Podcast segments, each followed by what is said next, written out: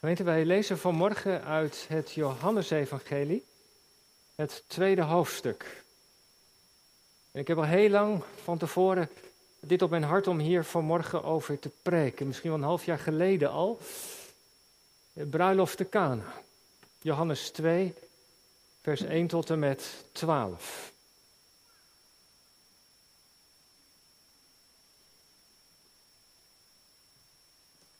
Johannes 2, we lezen het woord van God voor deze morgen.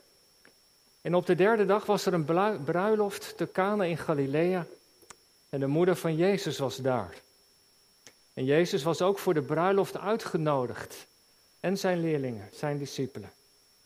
En toen er een tekort aan wijn ontstond, zei de moeder van Jezus tegen hem: Ze hebben geen wijn meer. En Jezus zei tegen haar: Vrouw, wat heb ik met u te doen? Mijn uur is nog niet gekomen. Zijn moeder zei tegen de dienaars: Wat hij ook tegen u zeggen zal, doe het. En er waren zes stenen watervaten neergezet voor het reinigingsgebruik van de Joden, elk met een inhoud van twee of drie metreten per vat, 80 tot 120 liter. En Jezus zei tegen hen: Vul de watervaten met water, en zij vulden die tot de rand. En hij zei tegen hen: Schep er nu iets uit en breng het naar de ceremoniemeester. En zij brachten het. En toen de ceremoniemeester het water geproefd had dat wijn geworden was, hij wist niet waar de wijn vandaan kwam, maar de dienaars die het water geschept hadden wisten het wel, riep de ceremoniemeester de bruidegom. En hij zei tegen hem, iedereen zet eerst de goede wijn voor, en wanneer men er goed van gedronken heeft, daarna de mindere. Maar u hebt de goede wijn tot nu bewaard. En dit heeft Jezus gedaan als begin van de tekenen te Cana in Galilea. En heeft zijn heerlijkheid geopenbaard en zijn discipelen geloofden in hem. En daarna ging hij terug naar Capernaum, hij, zijn moeder, zijn broers en zijn discipelen. En ze bleven daar niet vele dagen. Tot zover gemeente het woord van God voor deze morgen. Zalig zijn was het woord niet alleen horen, maar het ook bewaarden. Gemeente, we zingen na de verkondiging uit het liedboek Gezang 288, vers 1, 3 en 5 waarin het hele thema van de bruiloft in de toekomst ook weer terugkomt als dit lied als antwoordlied. En het thema van de verkondiging van morgen, het advies van Maria. Vers 5, dan zegt ze tegen de dienaren, tegen de diakenen daar, dat staat er in het Grieks, wat hij ook tegen u zal zeggen, doe het. Wat hij ook tegen u zal zeggen, doe het. Gemeente van Christus, u hier in de kerk en thuis met ons verbonden. Een huwelijk is een feestelijk gebeurde.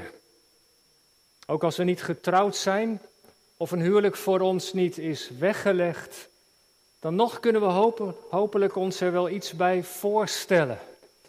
Bij zo'n trouwdag. En alles daaromheen, de plannen die gemaakt worden, de save the date kaart die alvast wordt verstuurd, er komt zoveel bij kijken. Trouwlocatie de kerk en vergeet niet de dominee op tijd te reserveren. De invulling van de dag, de kleding, wie nodig je uit en, en op welk tijdstip moeten de gasten komen. Samen met de ceremoniemeester spreek je alles heel erg goed door. Want je wil natuurlijk niet dat op het laatste moment iets moet worden afgezegd. Of niet door zou kunnen gaan. Je wilt toch niet hebben dat tijdens de receptie de bruidstaart er niet is, omdat er een verkeerde datum is genoteerd. Dus het meest lekkere van de dag, dat moet aanwezig zijn. Zulke dingen wil je voorkomen. Die werpen een smet op de dag, kunnen mensen jaren later nog over hebben. Het was een prachtige dag, maar die bruidstaart, nou ja, of iets anders natuurlijk. Zo is het voor de bruidspaar in Kanen erg vervelend dat er niet voldoende drinken is. Veel meer nog dan onze cultuur stond in die dagen de gasvrijheid hoog in het vaandel. Het is een schande als er dan op zo'n dag, op zo'n feest, wat daar wel zeven dagen duurde, tekort aan drinken is. Altijd was er ruimte voor gasten om aan te schuiven, mee te eten aan tafel.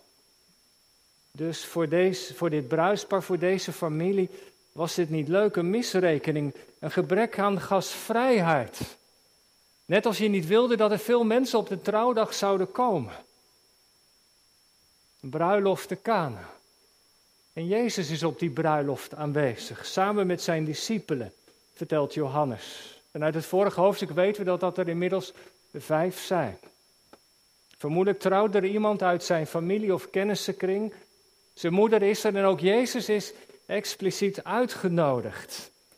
Maar het feit dat Jezus op deze bruiloft aanwezig is, heeft in de loop van de geschiedenis heel wat vragen opgeroepen. En ik noem er vier vanmorgen. Vragen die u of jij misschien ook wel hebt of had. Had Jezus geen belangrijkere dingen te doen? Hij was toch gekomen om mensen te redden? Dat hij mensen genas en bevrijdde, dat hij hun de zonde vergaf? Ja, dat past bij hem. Maar dit feest, is het gewoon geen verloren tijd? Of moet Jezus nou een wonder doen om extra wijn te maken? Zes vaten van elk 80 tot 120 liter. Zoveel alcohol. Dat is toch nergens goed voor? We weten allemaal wat er gebeurt. Mensen kunnen geen maat houden met alle gevolgen van dien.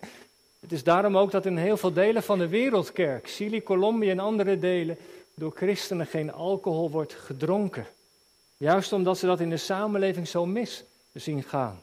Moet Jezus daar op die bruiloft gewoon niet het goede voorbeeld geven? Of die houding naar zijn moeder toe?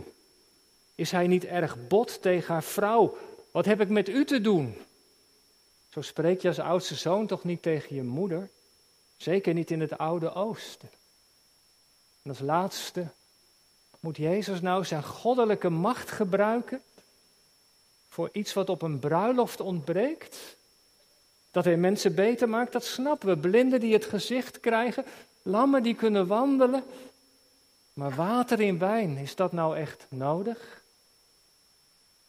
Gemeente, oppervlakkig gezien lijken deze vragen best wel hout te snijden. Maar als we op een dieper niveau naar dit Bijbelgedeelte kijken, komt het er toch heel anders uit te zien. Want Johannes geeft ons namelijk een belangrijke sleutel. Kijk maar even in vers 11. Wat Jezus op deze bruiloft doet, zegt hij, dat is een teken. Hij zegt het zo, dit heeft Jezus gedaan als begin van de tekenen, te Cana in Galilea. En heeft zijn heerlijkheid geopenbaard. In het Johannesevangelie worden zeven wonderen beschreven die Jezus heeft gedaan en dit is het eerste. En het Griekse woordje arche, dat kun je vertalen als de eerste in een rij. Maar arche kan ook iets van hoofd betekenen, in de zin van belangrijkste. Het is het eerste, maar misschien ook wel het belangrijkste teken dat Jezus doet. En jongens en meisjes, jullie weten hè, dat een teken altijd ergens naar verwijst. Als je door de stad loopt en je ziet een bord met een pijl, dan weet je, oké, die kant moet ik op. Een teken verwijst altijd ergens naar. Nou zegt Johannes dat wat Jezus hier doet op deze bruiloft is een teken dat naar Hem verwijst. Want Hij laat iets van Zijn heerlijkheid zien. Jezus onthult hier iets belangrijks over wie Hij is. En die opmerking van Johannes nodigt ons uit vanmorgen om dus dieper naar dit korte Bijbelverhaal te kijken. Er zit zoveel lagen in. Belangrijke dingen worden vanmorgen over de Heer Jezus dus onthuld. Ik zal zomaar een paar hints alvast geven. Wat dacht u van het water? Het water van de reiniging. Je zou een link kunnen, kunnen doortrekken met de doop. Het doopwater wat ons afwast van onze zonde. Of die, die wijn, dat water wat in wijn verandert, dat heeft de kleur rood, heeft de kleur van het bloed. Zullen we zien, Johannes denkt aan het sterven van de Heer Jezus. Je moet bij de evangelist Johannes altijd heel goed opletten hoe hij dingen beschrijft en wat hij vertelt. Er zit altijd een diepere laag in. En dat begint vanmorgen al bij het begin. Want hoe begint hij? Op de derde dag was er een bruiloft te Kana. In hoofdstuk 1 ging het over de eerste en over de tweede dag. Dit is dan de derde dag. Ging het over de roeping van de vijf discipelen. Maar voor de Joden was deze derde dag een hele belangrijke dag. En dat gaat terug naar de schepping. Want het is de enige dag waarvan God heeft gezegd tot twee keer toe. En hij zag dat het goed was. Dat het tof, toof was. En voor de Joden was daarom de, deze derde dag bij uitstek de dag om te trouwen. De bruidspaar wist dat. Dit is de dag waarvan God heeft gezegd al twee keer toe dat het goed is. Dan moet je op deze dag je huwelijk sluiten. En dat deden ze daar dus ook in Cana. Als wij vandaag de dag dit Bijbelgedeelte lezen en we horen de derde dag, waar moeten wij dan aan denken? Als je opgevoed bent met het geloof, dan weet je, de derde dag, dat is de dag van de opstanding van de Heer Jezus. Het is de dag dat Hij opstond uit het graf. Het is alsof Johannes wil zeggen, op die derde, die derde is dus iets bijzonders aan de hand. Je ziet al iets van het licht van Pasen, van de opstanding in dit Bijbelgedeelte doorklinken. Wordt zichtbaar. Je ziet al iets waarvoor de Heer Jezus nou gekomen is. En dat gaan we samen ontdekken op de derde dag. Waarvoor is de Heer Jezus gekomen? Jezus kwam, vertelt het Evangelie, om God en mens met elkaar te verzoenen. Om de breuk die door de zonde was geslagen te helen. En het is dan ook niet toevallig dat Jezus op een bruiloft deze bruiloft bezoekt. Je zou denken dat hij wel betere dingen te doen had, maar dat is niet waar. Als je een beetje vertrouwd bent in de Bijbel, dan weet je dat. De relatie tussen God en zijn volk Israël wordt zo vaak vergeleken met een bruiloft. God is de bruidegom en zijn volk Israël is de bruid. Maar ook als christenen weten we dat. De Jezus is de bruidegom en allen die in hem geloven vormen samen de bruid. Dat is een lijn die in de Bijbel zit, tot in het laatste Bijbelboek, waar de geest en de bruid roepen tegen de bruidegom, Heer Jezus, kom, ja, kom spoedig. En het leven met Heer Jezus in de hemel wordt vergeleken met een bruiloft en het avondmaal is niets anders dan een bruiloftsmaal. Jezus is de bruidegom, hij nodigt zijn bruid aan tafel. En daarom is de Jezus op deze bruiloft in Cana aanwezig eert hij het huwelijk van dit bruidspaard. Want zo lezen we dat in vers 2. Hè? Daar zegt Johannes dat en Jezus was ook uitgenodigd. En weet u, zegt Johannes, als Jezus uitgenodigd wordt, dan komt hij ook. Want hij is het betrokken op, op het, betrokken op het leven van deze mensen. En de enige manier om betrokken te zijn op het leven van mensen is het leven met hen te delen. In vreugde en in verdriet. En er waren veel mensen in die dagen die dat niet begrepen. Ze verweten Jezus. Hij eet met zondaars. Hij ontmoet zondaars in huis en hij eet met hen. Maar als heiland is er Jezus betrokken op het leven van gewone mensen. En ik vind het fijn als hij uitgenodigd wordt. Je bent welkom in mijn huis. Zou je ook op mijn bruiloft willen komen? Dat is de manier waarop hij zijn zegen, zijn heil schenkt in die weg. En als de Heer Jezus uitnodigt in je huwelijk of in je huis of in je leven, dan wil hij ook aanwezig zijn. En weet u, misschien heeft u dat wel gemerkt of jij. Als de Heer Jezus je leven binnenkomt, zal niet alles bij het oude blijven. Je bent nooit meer dezelfde. Dan kunnen er wonderen gebeuren. En hier in Cana merken ze dat. Er blijkt niet voldoende wijn te zijn voor de gasten. Nou ja, zoiets kan natuurlijk gebeuren. Maar zoals ik al zei, lag het in die dagen gevoelig. Gastvrijheid stond hoog in het vaandel. Aan de gasten mocht niets ontbreken. Niet alleen het Midden-Oosten, zoveel culturen hebben dat ook. Alles wordt op tafel gezet om de gasten het naar hun zin te maken. Maar dat er een tekort is, dat wil je op je trouwdag toch niet hebben. Maar we voelen misschien vanmorgen nu al wel aan. Het feit dat Johannes dit als eerste vertelt, als eerste wonder, is natuurlijk niet zonder reden. Want in de Bijbel is de wijn verbonden met de vreugde, met blijdschap. De wijn verheugt het hart, zegt het spreukenboek. Wijn is een symbool van de levensvreugde. En als dan de wijn opraakt, dan wil het in diepere zin zeggen dat de vreugde uitdooft, dat het leven zijn glans verliest. En het tekort in je leven kan zomaar ontstaan. Momenten in je leven. Ik heb het ook wel eens zo'n trouwdienst gezegd. Momenten in je leven dat de wijn op is. Dat de vreugde weggaat. Wanneer je huwelijk onder druk komt te staan. Wanneer je grote zorgen hebt over een van je kinderen of kleinkinderen. Wanneer je partner verliest en je alleen verder moet met je gezin. Wanneer je zo geconfronteerd wordt met de beperkingen van je ouderdom. Wanneer je worstelt met je karakter of bepaalde zonden in je leven. Wanneer je het zo moeilijk vindt om de opvoeding van je kinderen vorm te geven. Dat je momenten merkt dat het op is. De wijn is op. Het leven verliest zijn glans. En dat kan zomaar gebeuren. Ik weet dat sommigen van u daar alles van weten. Misschien allemaal wel.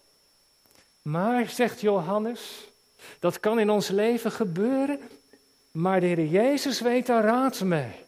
En dat is het evangelie wat we vanmorgen samen mogen horen. Dat is wat Johannes hier over de Heer Jezus openbaart. Hij weet raad met het tekort. Hier op de bruiloft te Kana. Maar hij weet raad met elk tekort wat er in ons leven kan zijn. In relatie met anderen, in relatie met onszelf. Jezus weet raad met de diepste tekorten in ons hart. Met onze zonde. Met onze wonden. En dat wordt hier op de bruiloft in Cana zichtbaar. En weet u, er is op die bruiloft iemand die dat weet. Er is iemand die gelooft dat Jezus aan dat tekort wat kan doen. En dat is zijn moeder. Ze wordt niet bij name genoemd. En ze zegt tegen, zijn, tegen de dienaren, wat hij ook tegen u zeggen zal, doe het. En dat advies blijkt goud waard te zijn. De dienaren zullen het merken dat in de gehoorzaamheid aan het woord van Maria het wonder gebeurt. Maar eerst spreekt ze Jezus zelf erop aan. Ze gaat naar hem toe, ze hebben geen wijn meer. En de Jezus lijkt wat kribbig te reageren. Vrouw, wat heb ik met u te doen? Maar zijn reactie lijkt negatiever dan het is. Dat is een kwestie van vertaling. Want het woordje vrouw, dat gebruikt hij later ook als hij aan het kruis hangt en zijn moeder toespreekt. Vrouw, zie uw zoon. Daar spreekt heel veel tederheid uit.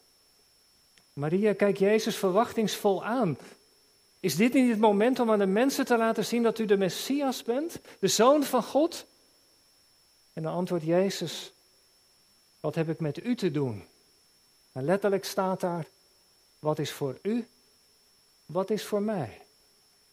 Met andere woorden, Maria, iedereen heeft zijn eigen roeping. Er zijn dingen die, die jij moet doen, maar er zijn dingen die ik moet doen. En daar moet je van afblijven. Mijn uur is nog niet gekomen. En weet u gemeente, dat antwoord van de Heer Jezus, dat is heel opvallend. Mijn uur is nog niet gekomen. Dat betekent dat Jezus daar op die bruiloft, als die bruiloft bezig is gevierd te worden, dat hij in gedachten al bezig is met wat gaat komen. Jezus denkt aan de grote bruiloft, aan het einde van de tijd. En wat daarvoor nodig is. Wat er voor nodig is om de relatie met God te herstellen. Hoe hij de bruid gereed kan maken voor de bruidegom. Zijn uur, dat verwijst naar zijn lijden. Naar zijn sterven aan het kruis. En daar is Jezus mee bezig op die bruiloft in Cana. Want wat is nodig om verzoening te doen? Het Oude Testament laat het zien. Daar werden offers gebracht, daar vloeide bloed. En in dat kader staat het teken wat Jezus doet in Cana. Want let maar eens even op, daar staan de zes watervaten. De Joden gebruikten dat om hun handen te wassen. En al het bestek en de borden regelmatig te reinigen. Want dat schreef de traditie voor. Zes stenen watervaten. De Joden moesten zich ceremonieel wassen. Om rein te kunnen zijn, om te kunnen trouwen, om naar de tempel te kunnen gaan.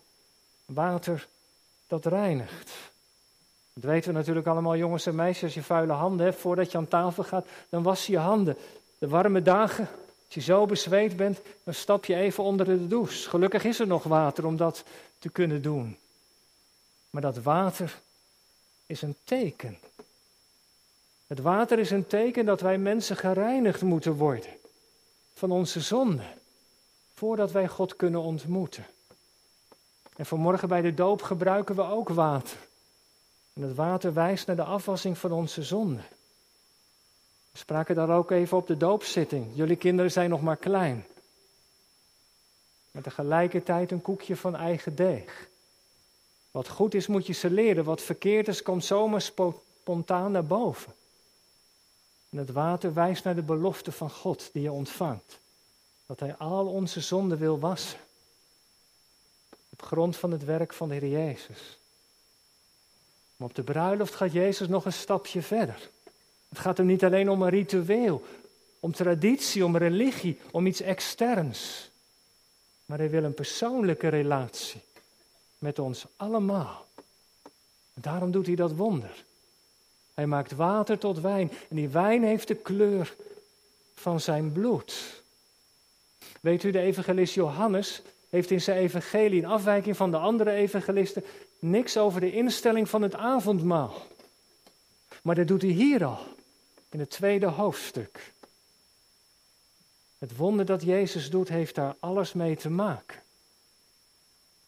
De gasten ontvangen een beker met wijn. Even in gedachten. Zoals Jezus bij het avondmaal zegt, deze beker is het nieuwe verbond in mijn bloed. Drink allen daaruit. Gedenkt en gelooft dat mijn kostbaar bloed vergoten is tot volkomen verzoening van onze zonden. De gasten op de bruiloft mogen drinken uit de beker van de wijn. De beste wijn is bewaard voor dat moment. En daarvoor is de Heer Jezus gekomen. Om ons allemaal in zijn verzoeningswerk te laten delen. Geloof je dat?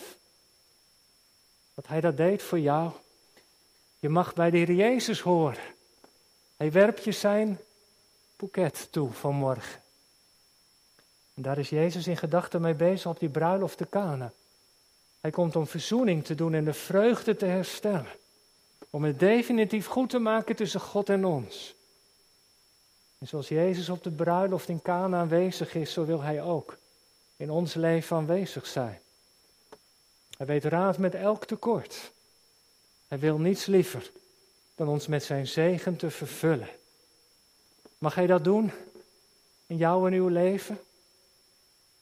Weet u, als Jezus er is, dan blijft niets meer bij het oude. Dan valt de glans van de hemel over je leven. Hij zorgt ervoor dat in de gewone dingen van elke dag iets zichtbaar wordt van de hemel. Wijle dokter Vreekamp gebruikt een prachtig beeld naar aanleiding van Johannes 2. Er staat namelijk in vers 11 dat de Heer Jezus zijn heerlijkheid liet zien, daar op die bruiloft. Stel je het zo voor, zei hij. Die watervaten staan daar en de glans van de heerlijkheid, de glans van de hemel valt over dat water. En het water begint te blozen vanwege de heerlijkheid van Jezus. Het wordt rood van kleur. Zo dus. Je zit in de kerk. Je bent thuis. Je leest de woorden van God.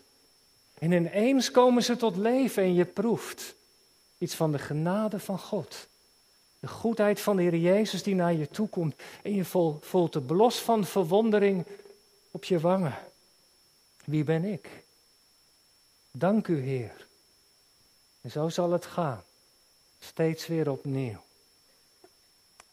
Lieve gemeente, ik eindig. Nog één opmerking.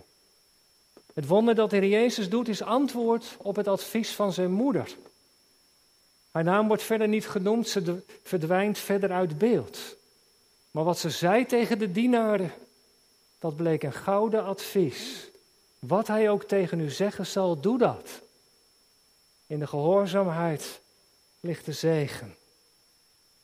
Na vandaag verdwijn ik als wijkpredikant uit uw midden.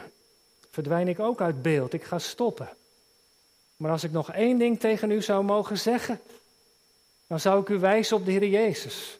Daar op het glas staat Johannes de Doper. Hij wijst met de vinger naar het lam. Die afbeelding stond ook op mijn intredekaart. Als ik één ding vanmorgen tegen jullie allemaal zou willen zeggen, dan, dan zijn dat die woorden van Maria.